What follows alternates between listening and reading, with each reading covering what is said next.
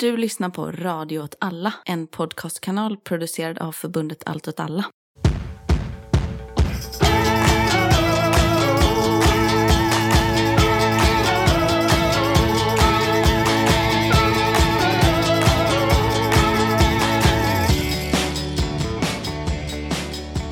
Hej, välkommen till Rörelse Udda krig och perspektiv. med mig Martin Hansson. Och med mig, Miran Andersson. Vi eh, sitter här och spelar in. Det är sommar. Du har inga byxor på dig? Jag har faktiskt inga byxor på mig. nej. Jag sitter i kalsonger. Jag har varit på, vid havet, på stranden med barnen. Ja. Vad tycker du om havet och stranden Jag hatar det. och barnen? Nej, de brinner jag för. Ja. De är viktiga i mitt liv. ja, det är verkligen en härlig varm sommardag. Jag har eh, suttit inne, Med långkalsonger. nej, Nej. men eh, framför datorn och spelat Magic the Gathering. Jag hatar stranden. Jag gillar att bada. Jaha, Eh, okej. Jag och min fru hade en, ett samtal om det här på vägen dit. De här minnen man hade som barn att man skulle ta sig till stranden. Okej, och hem från stranden. Och att det var jävligt plågsamt. så var det inte för mig. Du uppskattade de liksom, bilresorna i en svettig Saab 900. Ja, alltså jag... Det är ju det igen, att jag tycker inte värme är så jobbigt. Liksom, Men det här kvava Ja. jävla skiten. Jag alltså. vet ju vad du menar, men ett tag så hade vi en sån eh, insats i bagageutrymmet för att sitta i. Okej, det som låter barn. väldigt amerikanskt. Så att man har liksom sju platser i en femplats kombi då, för Mm. att man har två barnsäten i bagageutrymmet. Där luktade det typ äckligt tyckte jag. När det var varmt. Typ att det var kanske avgaser eller ifall det var typ eh, uppvärmd plast eller någonting. Mm. Det Ja. höt väldigt. Och så sitter man baklänges och åker, så lite illamående. Det, har- det är jag starkt negativ känsla av. Men det var ju bara när man skulle ha med typ någon ytterligare släkt. Min familj var inte så stor, så ytterligare någon liksom. Då förpassades du till bagageluckan. Då fick jag till gasningsutrymmet. Ja, precis. Ja. Det triggar det du säger, men annars, de här svettiga bilresorna, inte så stort problem med dem. Men att det är så att det är, att det är så varmt och typ så att plasten nästan blir klibbig. Mm. Och allt är bara sand överallt. Och maten, bara sand i maten. Det är sand, sand, sand. Nej, jag, jag, fan, det, är inte, min- det är inte min grej. Men, äh. Men du är inte barn längre. Hurra! grattis! Du har inte livet framför dig. Vissa val du har gjort kommer att förfölja dig till din död. Och du kan aldrig ändra på dem. På tal om val folk har gjort här i livet. 500 dagar och tre dagars specialoperationer. Idag, om vi spelar in. Den 9, söndagen den 9 juli. 150 gånger mer Mm. ungefär. Lite misskalkylering där på dagarna. 166 kanske. Men andra saker är ju, ryska robotarna är inte slut. Det är de inte. Nej, 500 dagar in. Uh, ryska ekonomin har inte fullständigt kollapsat. Nej, Det är, inte sant. medeltid, ekonomisk eh, medeltid i Ryssland. Putin har inte dött av någon av alla sjukdomar. Hur kunde ni skriva allt det här Aftonbladet? Åh, nu hatar vi på Aftonbladet. Nej, men 500 dagar krig och det här är ju ett sommaravsnitt. Så det är vad det är. Det blir ganska mycket nedsvep, va? Det tror jag. Mm. Och eh, lite reflektioner över de här eh, 500 dagarna av krig.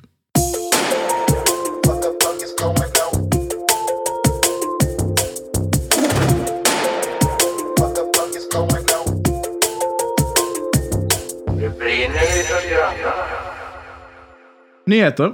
Um, Zaporizjzja-verket mm, har inte gått i luften. Nej, det trodde du lite på Twitter. Nej, men jag skulle säga att det var lite eh, uh, annorlunda, det var ju lite annorlunda än vad det var tidigare. Framförallt för att Ukraina reagerade så kraftigt på det. Och att det fanns liksom en dynamik från båda sidor att prata om det som att det skulle hända. Men det tror jag var lite sporrat av vartannat. Det började väl egentligen med att Ukraina sa att de hade bevis för att Ryssland placerade ut sprängladdningar uppe på typ reaktorerna. Och i de bilderna, jag vet inte, jag tycker inte det ser ut som att de sätter ut sprängladdningar faktiskt. På taken på uppsidan. Ja, Det är konstigt, för om man ska spränga reaktorerna så kanske man borde vara inne i byggnaden. Ja, fast om man vill att det ska se ut som att det är ett angrepp från luften så kanske man vill sätta dem. Det är sant. Men jag tror inte det var sprängämnen de satte på taket. Jag tror att det var någonting annat. Man som är uppe och städar lite. Nej, men kanske liksom någon typ av störutrustning eller eh, någonting liknande. Och då sa Ryssland, vi har information om att Ukraina kommer attackera kärnkraftverkets tak i natt, typ. Och då tänkte man, det säger bara Ryssland ifall de faktiskt har placerat ut sprängledningar. Ja, men det var lite så konstigt. Och så, så började Ukraina vara så här, typ, eh, deras strålskyddsmyndighet gick ut och var så, tänk på det här. Ja. Eh, Folk började hamstra mat i affärerna och runt Zaporizjzja och sådana saker. kanske. Du postade en video där det ser ut så. Jag postade en video där jag drev med någon som menade att det var det man Ja, såg på okej. filmen. Det såg ut som en helt vanlig... Jag kollar inte på film. Nej, jag på tror film- inte det var det det du var- menade. nej. Okej. Det såg ut som ett helt vanligt så, någon är och handlar i en affär. Mm. Oj, det är en lång kö. Man bara, ja, det är en kassa öppet. Okej. Men eh, vad kan man säga om det då? Först och främst kan man säga att jag fortfarande inte förstår hur strålning fungerar. Just det. Du har eh, läst på mycket om jod. Ja, om jod, om strålning, om, om liksom hur, eh, vilka skador, effekterna av Tjernobyl. Och det kanske man kan säga att Zaporizjzja-verken är liksom inte Tjernobyl. De är större. Nej. Va? De är liksom, ja, det större kan de vara, men de är liksom, det är en annan typ av reaktorer. Ja. Så att risken att det skulle bli som Tjernobyl är ganska eh, liten. Det är liksom inte en härdsmälta utifrån på det sättet. Nej, det kan ju bli det, Det sen. kan bli det, ja. Mm. Ja. Men det här fattar ju vet ju inte vi någonting om. Nej. Nej. Efter det jag har läst så känns det ju som att det är så här, ja, alltså det är ju skitdåligt om det händer. Det kommer ha lokal, eh, jättestark lokal effekt, fruktansvärt. Men det kommer inte vara liksom, Europa är en atomvinter. nej, men det kommer liksom inte ens vara Tjernobyl-effekt. Nej, okej. Det är liksom det jag har läst. Men sen verkar det framförallt vara som att man inte har någon som helst jävla aning om hur någonting av det här funkar. Typ Fukushima, så här, det dog ingen. Det var en jordbävning, en tsunami och ett kärnkraftverk som gick sönder. Det bara dog ingen. Nej. Det var väl också nära att det gick ännu sämre i Fukushima, tror jag. Mm. Men det hände ju inte. Nej. Nej. Som är lite så, okej. Nej, nej, men du tycker att där borde det ändå blivit något liksom. Men det var en hattrick liksom. Mm, visst. De eh, släppte nyss ut massa radioaktivt förorenat vatten i havet för att IAEA hade sagt det är typ lugnt. Det är inte så kraftigt förorenat ändå. Nej. Då blev koreanerna sura. Ja, det kan man förstå. De tar ju varje chans. Nu låter det som att jag nedvärderar det här, så jag, jag är ju emot kärnkraft till exempel. Och jag tycker att det väl, finns ju en militär strategisk svaghet i att ha kärnkraft. Som är att du centraliserar jättemycket elproduktion och du skapar liksom en känslig punkt i ditt land. Du kan decentralisera det med andra typer av energikällor. Men En är... elak invaderande styrka kan spränga ditt Ja, kärnkraftverk. ja, precis. Det är konstigt att det inte får någon effekt på den här kärnkraftsdebatten vi har i Sverige. Men Men är inte det lite för att kärnkraftsdebatten i Sverige är så, typ som om någon som gillar Terry Pratchett jättemycket debatterar med någon som gillar. Tolkien jättemycket. Att det är så här fantasidiskussion. Vi borde ha 20 kärnkraftverk så. Ja, ja, men det kommer ju liksom ingen bygga. Nej, nej, men det borde vi ha. Sen någon annan säger, ja, ja, fast det kommer, det kommer liksom inte... Alltså det, det är en fantasidiskussion liksom. nej, det var roligt också att de alldeles nyss kom fram till att den här skatten på kärnkraftsel som ska täcka slutförvaret har de räknat fel på igen. De har räknat lite mer på vad det kommer att kosta, så de måste bara höja den skitmycket. Så nu är kärnkraft helt plötsligt jättemycket dyrare än vad det var för en vecka sedan. För att man bara ändrat i kalkylerna någonstans. Och så är typ, vad det Riksrevisionen eller något som måste bara, nu har ni räknat fel på det här för typ åttonde gången i rad. Så här, typ.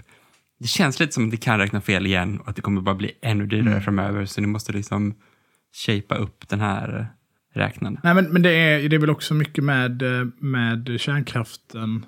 Ja, men det känns ju som att borgarna bara vill ha det för att äga miljöpartister riktigt mycket. Så här, det kan man ju respektera. På ett sätt, men det är också lite så typ, typiskt för hur politik fungerar. Att det är så här, så himla mycket, man vill ingenting själv mer än att bara sabba för dem man tycker är störiga. Liksom så. Riktig, riktig slavmoral. Ja, någon här negativ solidaritet Mm. i, i Med recitament bara. Ja, precis. Liksom. Vi, Ja. vi börjar taska mot de här. Ha ha ha, vi ägde livsen. Ja, bara, okej. okej. bra, bra samhällsprojekt ni försöker bygga. Men med kärnkraft då, och den debatten, det här med att det är fantasi, för det är också så känns som att den hela tiden är kantad av att någon är så, snart kommer den här tekniken finnas. Och sen så, ja, ja men den finns ju inte nu. Jo, nej men alltså snart, typ bara fem, tio, ja, ja okej, men vi har liksom el... Jag vet inte, menar ni att vi inte ska göra, nej, nej men det kommer så här, de kommer att lösa det här med så här mikroreaktorer eller vad det kan vara. Liksom. Microdosing. Ja. Men de finns ju inte. Nej, nej. Men fatta bra det var om de hade jo okej, men är det inte ni som ska vara de så här, vi är grundade i verkligheten, två fötter på jorden. Vi baserar vår energiförsörjning på olika bra tekniker vi kan tänka ut. Liksom, ja, det är tramsigt. Okej, skit, sa- tillbaka till Zaporizjzja. Det har inte hänt. Nej, skönt. Men stressigt. Och det är liksom, alltså, överhuvudtaget så är ju, är ju kärnkraft stressigt. För att, alltså jag tycker en sak som provocerar mig jättemycket när man läser om det är ju verkligen att man är så här, vi vet inte. Det känns som att det är jättemycket saker som vi inte vet. Typ, vilka effekter hade Tjernobyl? Och så har man liksom forskat på det och så är det så kanske typ inga utanför Belarus och Ryssland och Ukraina.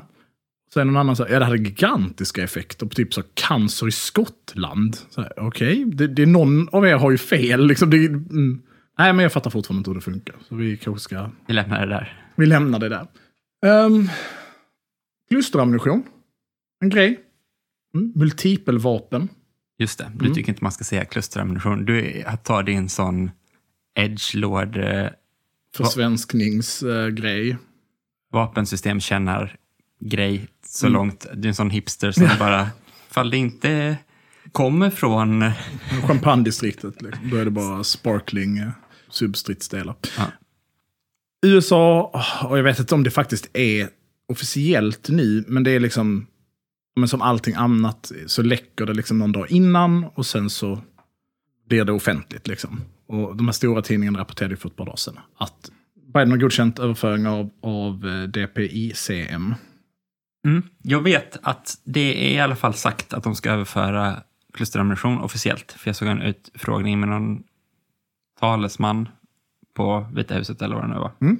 Som sa, det är faktiskt för att skydda de civila vi gör det här. Just det. Och det här väcker ju liksom en debatt. USA har ju hållit tillbaka med detta. Eh, Det grundar sig i liksom en, en eh, konvention eh, som är väl hundra länder som har signerat. Inte USA, inte Ukraina, inte Ryssland. Inte Kina. Nej, nej, alltså det är verkligen så. Inte- Nej, nej, det är många, inte Turkiet, alltså det är, men som är emot det som kallas för klusterammunition. Och jag tänker att de flesta människor vet så här, att klusterammunition är dåligt. Mm. Att det är så sak, det är dåligt. Men, men jag tänker att vi kan börja lite med vad är klusterammunition? Eh, eller då multipelvapen. Och när man pratar om DPICM då så är det alltså Dual Purpose Improved Conventional Munitions som det står för. Jag gillar den förkortningen för att den, är, den blir inte någonting. Alltså det blir inte så. Super. Jag skulle precis säga super ja. Strike. eh, Taurus eller någonting annat. Utan det är bara en skitstörig förkortning. Som jag, jag vet, hur säger man den? Depism. Det, det går inte. Och klusterammunition då. Det är liksom en bomb, en projektil, en granat eller en robot eh, eller en raket som i sin tur levererar många små eh, sprängladdningar. Och många av de tidiga klusterammunitionerna och många av de som fortfarande är aktuella, alltså det är verkligen att de typ levererar handgranater. Så du tänker att de släpper 80 handgranater. Alltså det är liksom en, en granat eller en, en sprängkapsel som levererar 80 handgranater. Så grejen är, det smäller en gång, det får ut och så smäller de små. För till skillnad från ett hagelgevär då, en patron, så smäller det en gång och så för det ut många delar. Men det är inte grejen, utan det ska först föra ut en gång, ska det explodera igen och föra ut igen. Då Precis. är det inte kluster, utan det där andra du sa. Multipelvapen. Då är det precis. multipelvapen. det multipelvapen, eller kluster då. Eh, jag tänker att vi kan använda båda begreppen. Och då är det liksom så, vad, vad har man dem till? Varför är de bra? Jag antar att de är bra för att då träffar man många. Ifall man, jag antar att de är bra mot truppkoncentrationer då. Liksom att det är där man vill skjuta dem. De å ena sidan så är de ju väldigt, som du säger, de, är- de är bra för att de, varje granat får en väldigt, eh, träffar en väldigt bred, eh, eller väldigt st- stor yta. De är också bra för att de på, på många sätt så kan de liksom leverera, de kan liksom leverera splitter mot oskyddad trupp, men de kan också, de här små eh, bombladdningarna kan ju också leta sig ner i saker på ett annat sätt än en, en större granat. Så det kan, vid skyttegravar eller så, så kan de helt enkelt ramla ner i skyttegraven. Ehm, och de ger ju då ett enskilt, ett enskilt eldrör som, som levererar granater. Den ger ju den förmågan att täcka en större yta. Ja. Ja, och det är bra. Den andra saken är att man kan göra lite olika sådana här varianter. Man ska vara tydlig med att det har levererats eh, multipelvapen till Ukraina tidigare. Eh, andra former som inte, är liksom sam, som inte har poängen att de ska träffa över en stor yta, utan som släpper liksom två mindre projektiler som väldigt riktat träffar någonting, mer än för att använda typ mot stridsvagnar och så. Och en annan sak som är bra med, med klusterammunition då ur ett krigsperspektiv, militärt perspektiv, är att du kan ha riktad sprängverkan. Så du kan ju liksom ha att du släpper många små pansarbrytande projektiler. Och då blir de ju väldigt bra mot fordon, för de träffar taket och så, så liksom smäller det ner. Um, om de då träffar uh, så de kan ju även då ha mot, en, mot bepansrade fordon, ha liksom en, en effekt. Och multipelvapen och klusterammunition blev ju väldigt stort under kalla kriget. Um, och både USA och Sovjetunionen bunkrade ju enorma mängder. USA har ju använt, alltså det har använts, det används liksom eh, frekvent. USA har ju använt det. I Laos. Laos, är det, pratar du om att det var där man använt det mest till och med? Mm. Ett land man aldrig var i krig med. Nej, precis. Och att argumentet var ju att typ, det fanns nordvietnamesiska trupper i Laos. Eh, men man kunde inte börja kriga mot Laos officiellt för, utan någon anledning. Så då så bara flög man extrema mängder flygningar. Alltså jag tror att det var så att typ, jag läste om det här precis innan då, att det var en var åttonde minut en bombning över Laos. Och man hade mer bomber över Laos än vad USA totalt använde mot alla andra länder i andra världskriget. Och Det är Ho Chi Minh-leden man är ute efter i Laos. och att efteråt så ligger det kvar, liksom, jag tror att det är så här miljarder substridsdelar som inte exploderat i Laos. Så det är som att man har så minerat hela landet. Liksom. Och att det dör ju folk fortfarande av det. Men, och det har dö- dött liksom mycket. Men jag, vet inte, jag såg någon uppskattning om att totalt civila liksom döda av, eller ifall döda och skadade till och med, av klustervapen sen det började användas är typ så här 50 till 100 000. Så det är inte extrema siffror så liksom. Men det större grejen som det gör är ju att precis som inför dominerar ett helt land så blir det ju liksom jättesvårt att efter kriget börja liksom utveckla landet igen. Jordbruk och bygga och bara resa runt och allting blir mycket försvårat av att helt plötsligt bara kan explodera en gammal laddning där man går. Liksom. Ja, och till skillnad från minering, som man åtminstone i teorin då oftast gräver ner och, eller ja, placerar ut under ganska kontrollerade former. Så det är lite lättare att mäta ut på kartor till exempel. Var har vi satt ut de här? Medans när man skjuter ut dem så är det ju mycket svårare att liksom avgränsa. Man vet heller inte, sprängdes alla substridsdelar eller inte. Och för här kommer vi lite in på vad kritiken då, för, för liksom, Ibland när man pratar om den här typen av vapen så kan ju vapen förbjudna för att de är liksom, liksom, konstigt ord här, men omänskliga.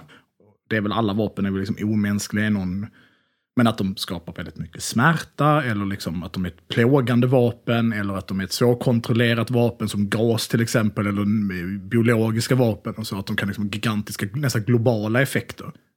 Och det är kanske det folk tänker lite så att det är det som är grejen med, med multipelvapen. Men det är det ju inte riktigt, utan det kanske finns någon parallell här, men den stora biten är att det då är ett litet okontrollerbart vapen. För att det man är orolig för, och vilket det finns liksom belagt historiskt, eh, är ju att det finns blindgångare eller det här liksom systemet för hur de ska detonera. är ju tanken att men, man skjuter ut de här små bomberna eller granaterna, så träffar de liksom saker och då detonerar de. Och sen så träffar de fel, så att de detonerar inte för att liksom på det systemet som de är tänkt att användas för att explodera, det, det kickar inte in. Så då har du liksom bara lagt ut apterade sprängladdningar som kanske om du trampar på dem eller kör över dem eller bara med tiden så går de av istället. Och det är väl det som är liksom den huvudsakliga kritiken mot, mot eh, multipelvapen eller klusterammunition. Det är det väl. Sen så är det väl också lite så, du siktar inte på något specifikt. Så det är inte ett smart vapen på det sättet. Och civila kan väl träffas ifall du liksom skjuter in ditt bostadsområde kommer det ju hamna överallt liksom och så vidare. Men absolut, och jag såg också någon siffra på att typ Israel använder det i Libanon och 40 procent av alla substridsdelar förblev odetonerade. Liksom. Så då är det ju väldigt mycket en minering på ett sätt. Liksom. Ja, och det är ju inte heller riktigt en minering. Nej, Eftersom visst. att du inte kan lita på... att det ska gå av eller inte gå av och så. Nej. Ja. Och då så någon gång efter, är det efter Irak eller någonting man börjar, alltså att, att det är efter Gulfkriget eller någonting som det börjar arbetas mot ett förbud. Nej, det är något annat krig på 90-talet tror jag. Skitsamma. Eh, Det är väl då de börjar ramla in eh, underteckningarna av den här. Är det inte äldre än så? Nej, det är det som är konstigt. Man tänker då att Sydostasien, helt bisarrt använt av USA, det verkar inte fått så stort genomslag, viljan att förbjuda det då, utan det är först på 90-talet det kommer igång. Och vad var det, 98 eller något sånt här, så att man blir det som uppror, upprop. Och 2008 tror jag att det är, Oslo-konventionen, fördraget eller någonting, som är där liksom det förbjuds. Så det är ju liksom väldigt sent, får man ju säga. Och det är ju senare än mycket av Irak och Afghanistan också då, liksom. Att det en används där. Men det är ju inte, de stora länderna skriver som sagt inte på det här. Liksom. Det är väl som med landmin, alltså personminor också, att USA, Kina och Ryssland har inte skrivit på det. Så liksom, man kan ju fråga sig lite, vad är poängen att alla andra Nej, gör det när de som eld faktiskt är väl krigar? också en sån, eldvapen är också en sån sak. Så det är så. Vem har sagt att det här är förbjudet? Liksom? Och det blir ju ofta så här att man har massa olika konventioner om vapen. Så bara skiter man i det.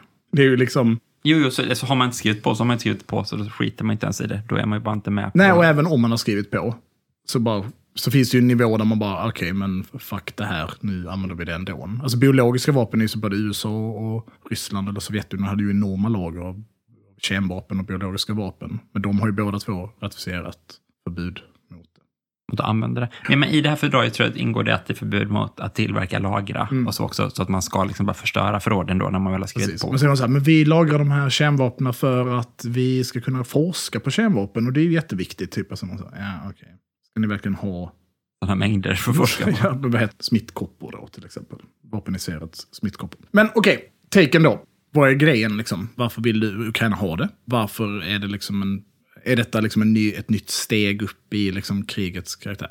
Och jag vet inte, det är lite störigt då, för jag fattar att de som lyssnar vill att jag ska tycka så här att det är fruktansvärt att USA ska skicka klustervapen till, till Ukraina för att... Vi har en konvention mot det som sen Ja, Sverige vi har skrivit gillar på. ju inte USA heller liksom. Nej, nej, Så att visst. USA borde liksom inte få göra det. Och det är ett jävla, det är ett jävla pissvapen på det sättet att massa civila blir drabbade. Jag tänker att man måste hålla lite saker i huvudet. För det första så är det ju så, klustervapen används redan. Typ första dagen, alltså första angreppet när Ryssland beskjuter, alltså 24 februari, alltså helt enkelt när kriget bryter ut, så använder Ryssland klustervapen direkt. Och jag för mig att de för, en av de första filmerna jag ser är en pojke som dör han är ute och cyklar Mm, jag minns den här filmen också. av, ett, Ja. av en, av en superstridsdel som detonerar. Så att klustervapen används redan. Det som är dåligt med klustervapen är minering. Alltså att man, man, man typ minerar. Eh, Det görs extremt frekvent av båda sidor i kriget i Ukraina. Alltså vanlig minering Alltså helt normal så. utan...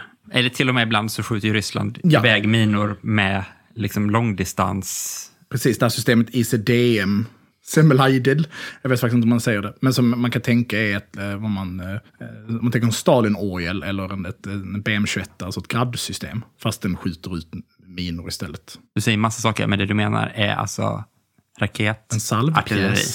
Raketartilleri. Ja, eller salvpjäs, som Ja. vi då säger på svenska. Säger man, får man inte ens säga raketartilleri? Ah, ja, ja, det kan man väl få säga. Men jag tror att en eldrör och salvpjäs. Mm. Okej, och där har Ryssland ett system där de liksom bara skjuter ut minor. Stridsvagnsminor eller då personminor. Så det händer redan. Och ni vet att jag brukar vara lite så, eller du vet ju att jag brukar vara lite så, det finns inga wunderwaffen. Liksom, det, är, det kommer inte finnas någon supervapen som kommer att ändra hela krigets karaktär och så. Men jag tror att det här är ett av de närmre dit vi kommer. Och det är inte för vapnet i sig. För som sagt, det här finns redan. Men det det här gör, är att USA går med på att öppna upp de här reserverna, det är ju att Ukraina får tillgång till jättemycket granater. USA har antagligen hundratusentals sådana här granater liggandes. Men den här presskonferensen jag såg, så snackade de någonting om 1%-regeln. Jag uppfattade det som att USA bara får ge bort 1% av sina förråd till någon. Det här är ju ett vapensystem, granatsystem, som både åldras, alltså du, du får liksom fasa ut dem för att på, på grund av den här risken att de inte detonerar, det du pratar om med, med, med Libanon, att liksom Israel sköt ut massa och sen så låg de kvar. Man måste liksom byta ut dem. de måste vara färska. De måste, ja, okej. Mm, Ja, de måste vara färska. Ehm, och de ingår liksom inte strikt sett i USAs egen arsenal. Det är inte ett system. De vill egentligen fasa ut dem för att ersätta dem med andra typer av granater. Så jag tror att det kommer, öppnar USA den här asken så kommer det rassla ut många granater ur den. Vilket är, och sen kommer det ramla ut många granater ur granaterna. Jag tror kanske han också sa så här, men presidenten har rätt att... Överskrida den eh, procenten. Eller? precis, att han kan säga att den lagen inte gäller längre, så då är det inte längre olagligt. Så det kanske är det som kommer hända. Men han sa också att det, det var inte en procent, det var bara nära en procent. Men de kanske pratar om något helt annat, det kanske har missförstått ja, men här. jag, det måste vara. Det som är intressant med det då, eller det som kan ha en inverkan, det är att Ukraina får tillgång till kanske en, två månaders eh, granatanvändning. Vilket ju då spelar jättestor roll, inte minst ifall man har en motoffensiv som går segt, som drar ut på tiden. Och Zelenskyj var ute nu nyligen och, och, sa att anledningen till att den går så långsamt är för att västs senfärdighet i att leverera många av de system de hade lovat gjorde att Ukraina var tvungen att skjuta upp offensiven, vilket gav då Ryssland tid att gräva ner sig ännu mer. Mm. Jätteretoriskt bra beskrivning. man kan ju Ja, ja, undra ja. Jo, jo, men, men, det liksom, så, men, Mm. men det, så att de menar att Ukraina själv ger ju uttryck för att den inte går according to plan. Absolut. Utan att den går långsammare. Och då, det är inget Wunderwaffen, Men det det är, det är att det är ett vapensystem som Ukraina vet hur de ska använda. Alltså de får någonting som stämmer ganska väl med hur de strider. Alltså istället då för att försöka ge dem någonting som kräver en annat sätt att föra krig på, så ger man dem nu någonting som liksom verkligen ingår i deras sätt att strida. För att det är liksom ammunitionsbrist är en stor grej. Ammunitionsbrist är en stor grej, men och nu får de granater som de skjuter med sina konventionella eh, artillerisystem, eh, sina eldrör och, saltpjäser för den delen. Och det är det Ukraina kan. Det som är liksom det ironiskt med det, så vad är klusterammunition ganska dåligt till? Jo, det är ju att beskjuta platser du ska anfalla. För att du minerar ju i någon mening platsen du ska... Så att den lämpar ju sig väldigt väl för ett utnötningskrig. Alltså det då som den här offensiven inte skulle vara, men har blivit. Och det sättet som Ukraina strider på. Så att det finns ju också en motsättning någonstans i det här. Att du, du, skjuter ut eh, de här eh, substridsdelarna och sen förväntas du anfalla genom dem. Och det hör man ju själv att det, är- det är inte ett optimalt eh, system för det. Och då säger du också så här, eftersom det redan ligger så mycket miner så är den här grejen att det blir kvar blindgångare inte en så stor deal liksom. Nej, det är ju såklart att det är ett jättestort problem. Alltså det är det ju. Men det är också ett jättestort problem om Ukraina inte vinner kriget. Jag är inte för multipelvapen. Jag tycker det borde förbjudas. Jag tycker framförallt att krig inte borde finnas och så vidare. och så vidare. Eh, men, men det är inte kemvapen. Och det är inte ett väsensskilt vapen från alla de vapensystem som redan används. Det är ett vidrigt vapen för att det är okontrollerbart till, till vissa delar, eller att det finns en stor riskfaktor i det. Och det här ska jag verkligen betyda med. Argumentationen är ju så, åh men västsystem är så jävla mycket säkrare, det är, mängden blindgångar är nere på, jag läser om så 2 procent, ja det, det är bara skitsnack. Jag tror bara att man ska vara så här, ah, okej, i laboratorietesterna så ser det ut så här, eller så, men det är bara en säljare liksom. Det är klart att de säger det. Det är, så, nej, det är 40 procent. Alltså, det, det kanske är lägre än sovjetiska system, det kanske är lägre än 50 och 60-talssystemen. Men det här, det är inte så att det här inte är ett problem. Jävligt bra sälj. Den här bilen, den startar varannan gång. Ja, vi har det här vapnet, det är ganska känsligt, men jag vill bara vara tydlig med att... eh, att Det funkar ganska det- mycket inte bara. Det Det, är, all den kritiken, det, det, det, det, den stämmer. Ehm, vi har gjort här, det är skit. det, men Nej, men, men det, precis, det blir ju också en sån här... Det är ju också på något sätt en glidande skala med att å ena sidan säger man så här typ Vissa vapen är så kassa att liksom, även ifall de används mot oss borde inte vi använda dem mot fienden. Liksom, för att vi typ anser oss då vara bättre. Och liksom, det är väl det på något sätt som rättfärdigar också att man är den liksom, moraliska sidan. Nu är det såklart att Ukraina har blivit invaderat, men liksom, generellt också så att man har en förväntan om att liksom, stater då, som inte är rena auktoritära diktaturer liksom, ska bete sig på vissa sätt. Men sen så är det ju liksom, på andra sidan är det då, okej, ingen, ingenting blir bättre av att vi själv förnekar oss möjligheter att försvara oss. Liksom. Att varför ska Ukraina avstå från de här vapnen när Ryssland använder dem mot dem ifall det kan, som du säger, liksom öka möjligheten för dem att vinna kriget. Är inte det bättre för den ukrainska civilbefolkningen i det långa loppet ändå? Liksom? För du kan göra samma argument egentligen för, för alla vapen då. Varför ska man stoppa vid nervgas och multipelvapen? Varför inte säga ja, en artillerigranat vanligt kan ju också träffa civila. Vi borde inte använda det. Ryssland kan använda det mot oss, men vi ska bara använda liksom precisionsgranater och så vidare. Alltså, så såklart, det är liksom inte en skarp gräns på något sätt med de principiella resonemangen heller. Nej, nej, och jag tror att det viktiga här, och det, det kanske man ska vara ärlig med, att jag, jag upplever att kritiken runt multipelvapen är både för, och det kan jag förstå, det är ett argument jag, jag köper, men det handlar ju om att man inte vill liksom att eskalera kriget. Och så har man lite dålig koll, så tänker man att nu ska USA ge någonting som är liksom känsligt eller lite kontroversiellt, och därför är det typ en eskalering. Um, det är det inte. Är, alltså, anledningen till att USA ger eh, multipelvapen är inte för att Ukraina specifikt behöver skitmycket multipelvapen. De behöver skitmycket granater och det här råkar- vara granater som det finns ett lager av. Och det råkar göra det för att man inte vill använda dem för de är bull. Men Ja, ja, nej men och så. De, är- de är, och de, framförallt lämpar de inte sig. De lämpar inte sig till det Ukraina ska göra. De, man ska inte anfalla genom sin egen, liksom, det är dåligt.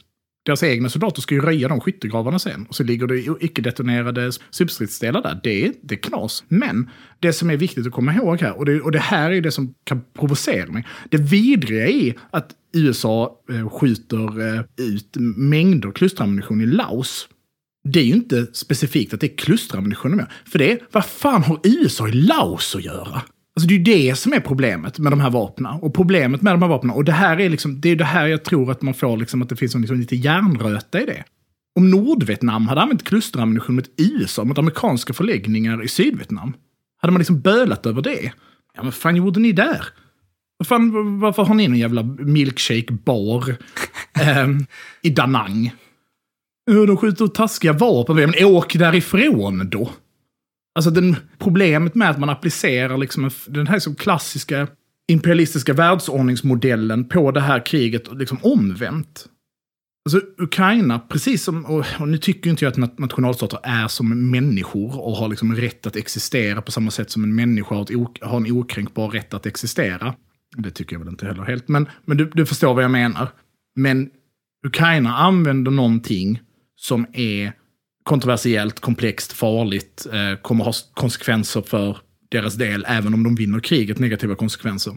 Men de använder det i sitt eget land mot en invaderande fiende. Det finns en skillnad i det. De kommer vara de som röjer upp minorna, eller de odetonerade stridsdelarna sen. Till skillnad från då USA som bombade Laos och sen så bara, tråkigt, nu är ert land förstört, vi kommer inte ta hand om det här vi har gjort. Men det kommer ju Ukraina få göra, liksom. det, är, det är deras egen land de fyller Ja, med. eller liksom. gerillakrigets logik. Alltså man då ska liksom koppla, det, det finns ju jätte, det här med att man liksom, i gerillakriget så ingår det att man, man slår mot eh, skikt eller liksom segment av samhället som är semimilitära eller liksom semirepresentation av staten. Polisen. Polisen, ja. Det är såklart, eh, kan ju vara problematiskt.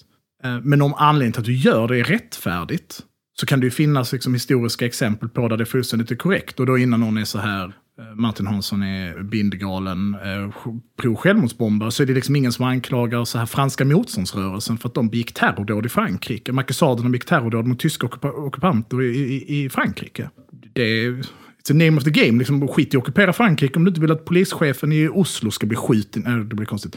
Men skit i att ockupera Norge om du inte vill att polischefen, i- om du så här, Quisling, polischefen i Norge, inte ska bli avrättad i sitt hem. Ja, men han hade inte behövt vara Quisling. Han hade inte behövt liksom, hjälpa nazisterna att ockupera Norge, så hade han sluppit bli skjuten. Liksom. Och tycker jag då att USA får åka till andra sidan världen och mörda polischefen? Nej, det är ju helt barockt. Vad fan ska de göra det för? Men det är ju, någonstans måste man ju hålla det här i huvudet att ja, Ukraina kommer använda ett vapensystem. Det vapensystemet är verkligen, det har baksidor. Baksidorna är att efterarbetet blir jättestort det riskerar att skada civila. Eh, det gör nästan alla vapensystem. Det här gör det lite mer ett annat sätt. Men det, vapensystemet i sig är inte ett ovanligt hänsynslöst vapensystem. Det, är inte, det, skap, det plågar inte personen som utsätts för det onödigt mycket. Alltså andra liksom, moraliska fel. Varför man till exempel eld är ett problematiskt vapen. Liksom. Ja, du, Du vill inte bli grillad levande. Nej, men det är, så, det är jävligt vidrigt. Eller klågas, dina ögon smälter. Alltså, eller vad det nu kan vara. Så det, eller, eller sprida ut någonting som sitter i marken som skapar gifter så att barn dör av cancer 40 år senare. Alltså vad USA gjorde i, i Vietnam. Det är liksom skillnad. För USA hade inte behövt vara i Vietnam.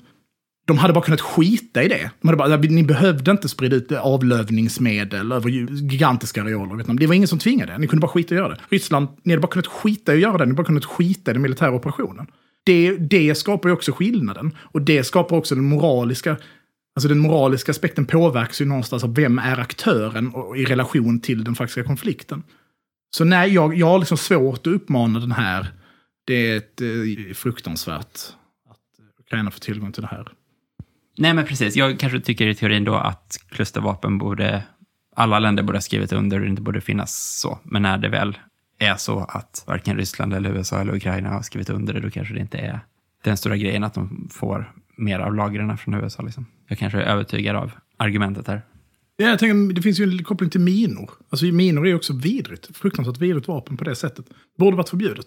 Och alla länder borde, man borde bara liksom pajat alla lagarna. Och det är helt sinnessjukt att vi har en världsordning där liksom det, det kan vara ekonomiskt bra eller liksom politiskt accepterat att man invaderar andra länder och för den delen gräver ner sprängämnen i marken. Fruktansvärt. Uranmat uran, också fruktansvärt. Men på samma sätt som, som jag då är, tycker att minor är för jävligt och det är för jävligt att Ryssland minerar in i Ukraina, det är en av många vidrigheter som de inte borde pyssla med, så känner jag inte riktigt samma det desperata våldet i, låt säga, talibanerna. Så jag är väldigt kritisk till talibanerna, jag har inget eh, övers för dem. Men jag känner inte att, att de håller på med, med hemmabyggda minor, alltså idéer. är en av de sakerna jag håller emot dem. Visst. Alltså, ja, okej, det är det ni gör. Det det, det är så ni får strida, det är det, det ni behöver, alltså så, ur ert perspektiv. Det är inte, det är inte mer av en grej när man är så, fan talibanerna, riktiga rövhål. Är okej det där med att de bränner alla flickskolor. Ja. Men Minor. minor, där drar jag Där drar jag verkligen, där tycker jag det är ett dumt vapen. Utan det får ju sättas någonstans i relation till vilka förutsättningar. Men det som är intressant med klusterammunitionen är verkligen det att, att det skapar ett incitament för att Ukraina fortsätter strida på det sättet som Ukraina eh, har stridit tidigare. Att det känns liksom delvis som att det är en tillbakagång. Alltså att man, jag vet inte, det blir svårt men att man hade förhoppning om att motoffensiven med den västerländska träningen skulle visa sig att Ukraina skulle kunna genomdriva storskalig manöverkrigsföring med det här krigsmaterialet man har fått från väst. Och klusterammunitionen är ett steg tillbaka till utnötningskrigets dynamik. Så kanske man skulle kunna uttrycka det. Tycker du att eh, Sverige ska lämna konventionerna och skaffa personminor och klustervapen igen? Nej, nej det tycker jag inte. Jag tycker att Sverige, mina skattepengar i så liten mån som möjligt ska gå till att eh, bygga ut vapensystem som är eh, potentiellt väldigt skadliga för, för mig och mina, mina barn. Men om Sverige blir invaderat och ockuperat, då har jag svårt att säga att jag skulle vara kritisk till att folk började minera. Mm. Lite motsägelsefullt kan man säga. Ja, ja. men och det är väl för att det är väl tendensen man vill sträva efter. Och det är inte liksom något så här, för, för det, det är väl ofta det, är väl det som händer hela tiden i den här diskussionen om Ukraina, att man någonstans faller in i någon konstig hejarklacksgrej där man liksom, jag ogillar USA, därför typ är okej med det Ryssland gör, eller vill nedvärdera det, eller då allt Ukraina gör är bra, de kan inte göra något fel, jada jada. Jag är inte så intresserad av den dynamiken, utan jag är mer intresserad av hur det här fungerar och vilka effekter det har och det rationella i olika handlingar. Och jag ser det rationella i Ukraina att de vill skaffa, att de vill skaffa multipelvapen.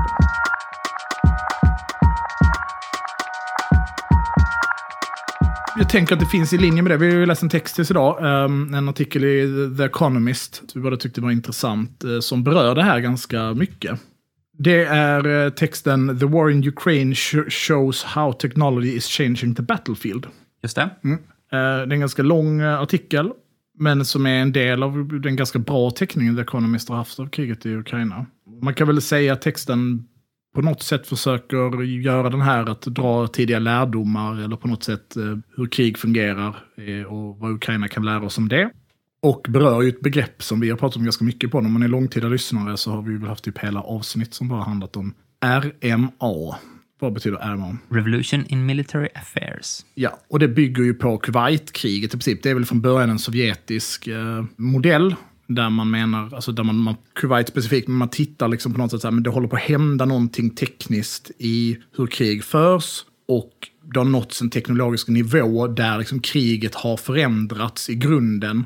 Och det är då att precisionsvapen och liksom långdistansprecisionsvapen kommer förändra hur man strider i grunden. Liksom inte bara en klausovitsk anda så kan man ju prata om krigets natur och krigets karaktär. Alltså, krigets karaktär har förändrats eh, över, över tid på många sätt. Eh, typ hur, eh, vilka medel använder vi för att strida. Men krigets natur är, du måste ta platser, du måste hålla territorium, du måste ha soldater som gör ditten och datten. Alltså det finns liksom i grunden på något sätt. Och Revolution in Military Affairs handlar väl delvis om att det kanske har skett att även krigets natur har förändrats. Absolut, jag tycker också den knyter an till andra grejer vi har pratat om förut, typ adaptiv förmåga och så, liksom att hur man under press liksom förändrar sitt sätt att strida och därmed utvecklas typ mycket mer än i fredstid för att, ja, för att då i praktiken så testas liksom de föreställningar man har och massa gamla idéer har mycket svårare att leva kvar ifall de är helt liksom missriktade. För att i praktiken då så kommer det att testas ifall det fungerar eller inte. Och det säger sig själv såklart, det är liksom de arméer som faktiskt har varit i krig mycket bättre på att kriga sen än de som inte har varit det på något sätt. Och det håller på att hända nu, beskriver den här artikeln väldigt tydligt Ja, för och- Ukraina.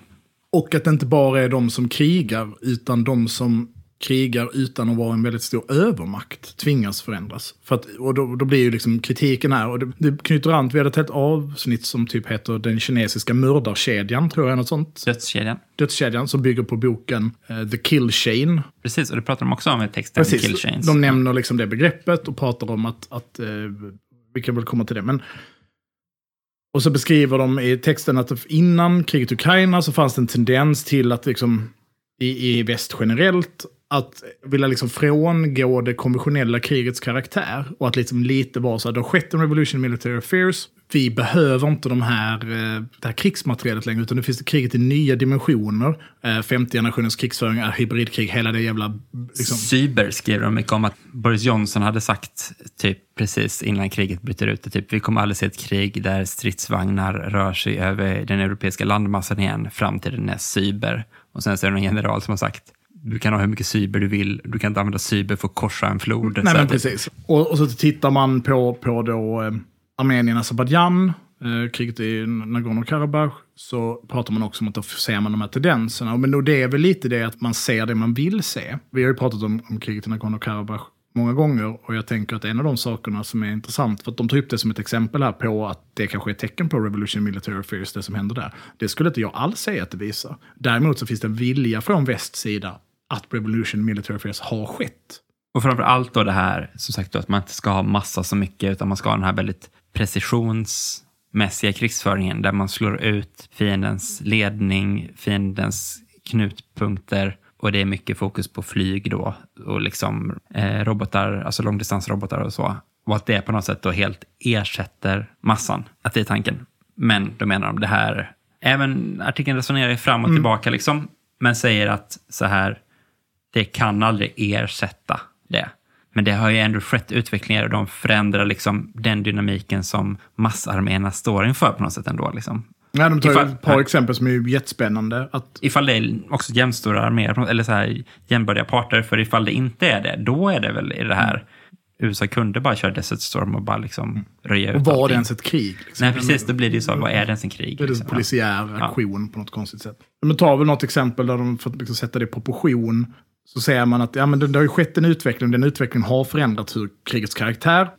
Man ser att eh, man har mycket färre trupper som håller områden för att truppkoncentrationen blir så farligt. För man har massa vapensystem med precision kan liksom slå ut truppkoncentration. Vilket då tvingar fram i den adaptiva processen att man sprider ut sig mer. Jag tror att de pratar om att det är liksom, Ryssland har manna nog för var 300 man per kilometer. Det var 3000 man per kilometer under andra Precis, världskriget. det är en brigad istället för en bataljon under andra världskriget. Att det är liksom, skalan är mycket mindre och att visst det skjuts mycket artillerigranater men, men om man jämför med första världskriget så pratar man om att britterna skjuter 200 000 granater per dag innan som. Somja medan 60 000 granater är liksom piken under Ukraina. Men det har uppenbarligen då inte skett en revolution in military affairs utan det är de här det har förändrat karaktären, men det som är aktuellt, och det knyter väl an till det vi har pratat om precis, att det är samma vanliga jävla grejer som är relevanta. Minor, artilleripjäser och infanterister. Att de har inte kunnat ersättas med de, med de här systemen. Och det tror jag blir den stora lärdomen för västs sida efter det här kriget. Att vi kan inte ha få, men väldigt bra saker. Nej, vi måste ha massa också. Liksom. Precis, men också lärdomar som de pratar om och det här då Ukrainas adaptiva förmåga på något sätt handlar väl mycket om hur de kombinerar sin massa i sina trupper med den nya teknologin. De skriver det väl väldigt liksom futuristiskt hur det finns någon så här superfeed som kombinerar massa olika satelliter och direkta rapporter och drönarbilder och allting. Så någon app som ukrainarna har bara kan liksom så här... Ja, Artilleri-Uber, vi har, pratat, har vi pratat om tidigare. man bara klickar på en punkt och säger så här, här ser jag ett fiendefordon. Och då får alla som har den appen, så alla andra positioner, ja, där är den. Och då kan de som står närmast eller de som just har laddat sitt liksom... Jag tar den liksom. Ja, och då slutar man ju killchainen. Alltså det är ju där killchainen liksom. kommer in. Att Ryssland då uppvisar ganska stora problem med att identifiera mål och engagera dem. Eh, Och skjuta verkanseld, utan det tar tid, vilket gör Ryssland har väldigt svårt att beskjuta mobila eller fiender i rörelse på något sätt. Men samtidigt är inte det här något helt nytt heller. Det här är väl C2 då, liksom, på något sätt. Alltså command and control. Och det har man ju förstått är jätteviktigt jättelänge, som samordning mellan sina olika truppslag och hur man ska göra så. Det är bara att det kanske har snabbats upp på något nya punkter liksom. Och de säger ju så att typ, Ukraina med sina liksom nybyggda appar då under kriget och liksom de tar sitt gamla Sovjettidsmaterial och liksom uppdaterar det med att integrera liksom informationsteknik i det och så. Att det liksom har nått nu en förmåga som är bortom den som NATO har Mm. i sina C2-förmågor i något sätt. Eller C4, computers. Det känns ju lite också fattigt att bara kasta in fler scen. Ja, ja, men det finns och många. så, CIS 4 finns väl också. Skitsamma. och man säger liksom också då precis att Ryssland har varit jättedåliga på det här under kriget. Men det finns ju också en antydan, tycker jag, i den här texten till att så typ, ja, ja, men nu börjar Ryssland också vara i den här adaptiva processen och också integrera den här teknologin på sin sida. Liksom. Och det kan man väl tänka så att ingen sida är överlägsen som sagt. Då måste båda liksom hitta de optimala stridssätten. Liksom. Och det är ju också läskigt på ett sätt då, att liksom, i liksom tio år framöver kommer den ryska armén vara Ja, skitbra de- då liksom, och den ukrainska, men så är typ Ja, det är väl en försvarsperson på brittiska försvarsministeriet som säger liksom att Ukraina ligger liksom ljusår före vad vi har. För att de har liksom hittat system, skapar de här killchainsna helt enkelt på ett sätt som vi överhuvudtaget inte kan.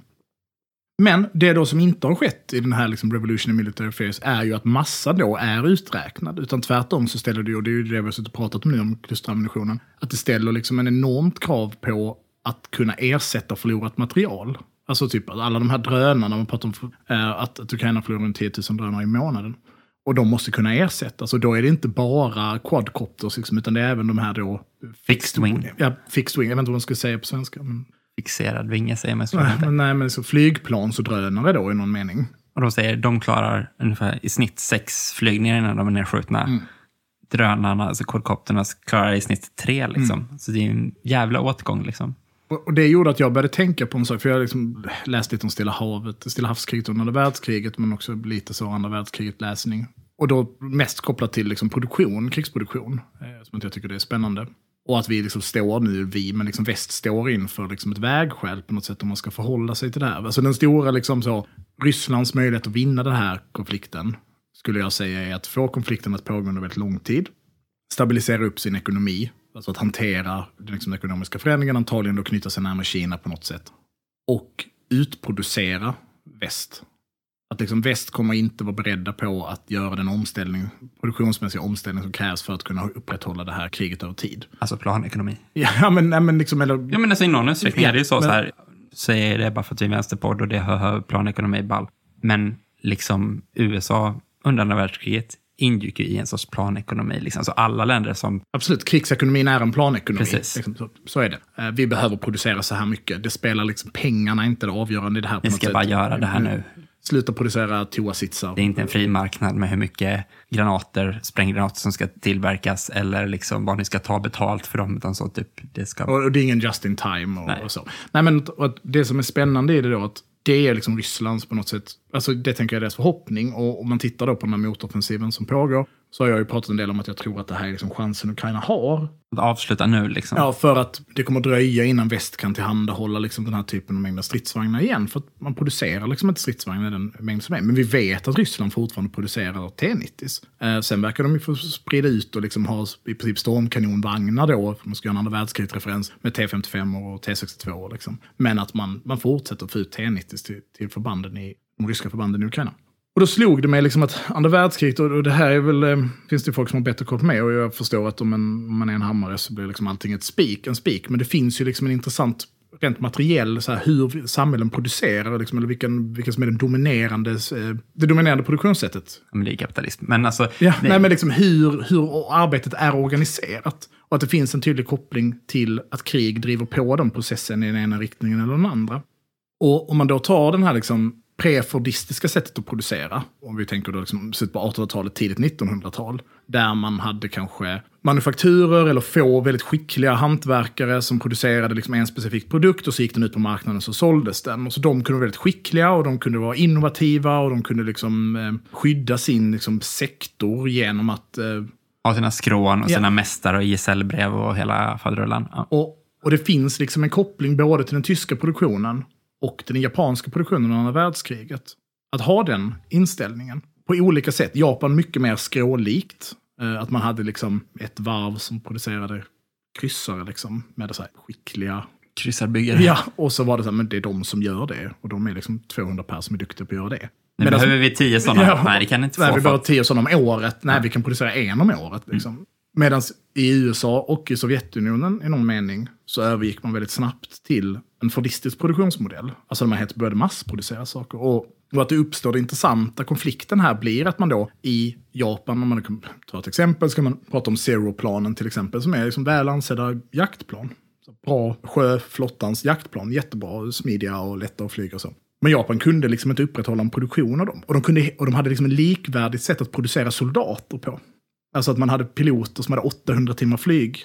Alltså för vad, det var liksom en elitgrej. Det var liksom väldigt skickliga piloter. Men om man både producerar flygplan och piloter på det sättet så kan du liksom inte ersätta dem. För du kan inte ge dem 800 flygtimmar mitt i ett brinnande krig. Alltså det, det går inte. Och så mycket bättre blir de inte och till slut skjuts de ner eller förolyckas eh, på något sätt. Liksom. Och då så har du inga kvar. Nej, och om man då jämför då hela tiden så är det så här, ja men Shermanen så kan liksom, eh, arsenalen i Detroit kan pumpa ut Sherman-stridsvagnar i liksom här absurda siffror, medan Nybelverken i Tyskland knappt får ut några eh, liksom, eh, pansarkampvagn 4. Och sen har man liksom samma situation i Sovjetunionen, där man både på soldatnivå, liksom vilka soldater man producerar, så har även de en det liksom finns även ett fordistiskt liksom, produktionssätt av soldater. Ja, men, kvantitet är viktigare, det ska gå snabbt, man ska liksom snabbt få ut de här. Standarden, kraven för att bli soldat, är inte lika, liksom inte lika viktig. Och i liksom det totala kriget, om man får använda det begreppet, och det kan man väl diskutera om andra världskriget är, men i någon mening är det liksom det här förintelsekriget där man liksom den ena sidan bara ska omintetgöras. Då är produktionen liksom kanske den mest avgörande faktorn. Och fordismen blir ju sen också den dominerande sättet att producera i, i världen. Men någonting har ju hänt liksom i postfordismen i, väst.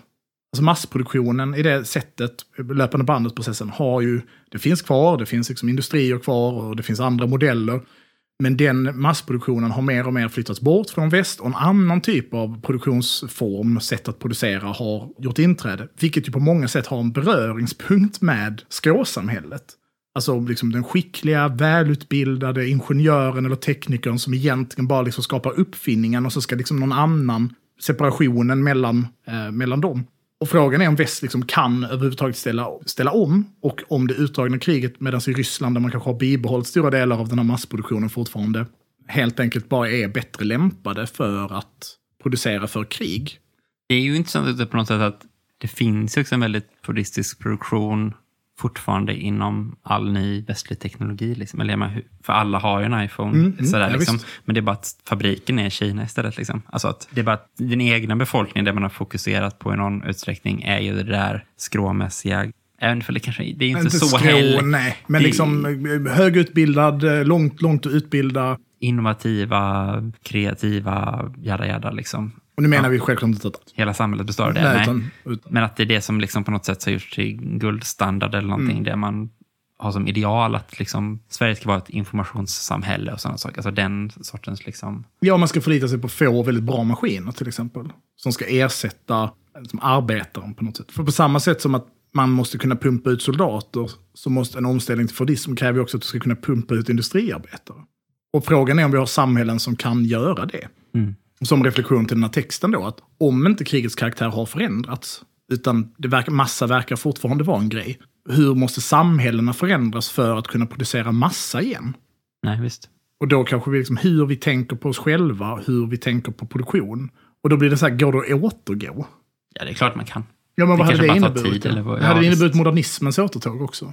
Hade man behövt modernismen som samhällssystem eller som hegemonisk, liksom, Ja, det blir väldigt spekulativt. Jag tänker att eh, det blir mer den här syntesen av tesen och antitesen. Liksom, att, det, att, det, att man skulle se någon ny utveckling liksom, i en ny riktning. Eller i en... Liksom, det känns mer som att det här är en process där det föds något nytt då, i någon utsträckning. Mm. Än att man bara kan tänka sig en återgång. Liksom. Historien går inte bakåt. nej, nej, nej, det gör den såklart inte. Nej, det här var verkligen bara en fri, liksom, Men det är fri härligt? Sommaravsnitt. Ja, fri association av att läsa den här texten.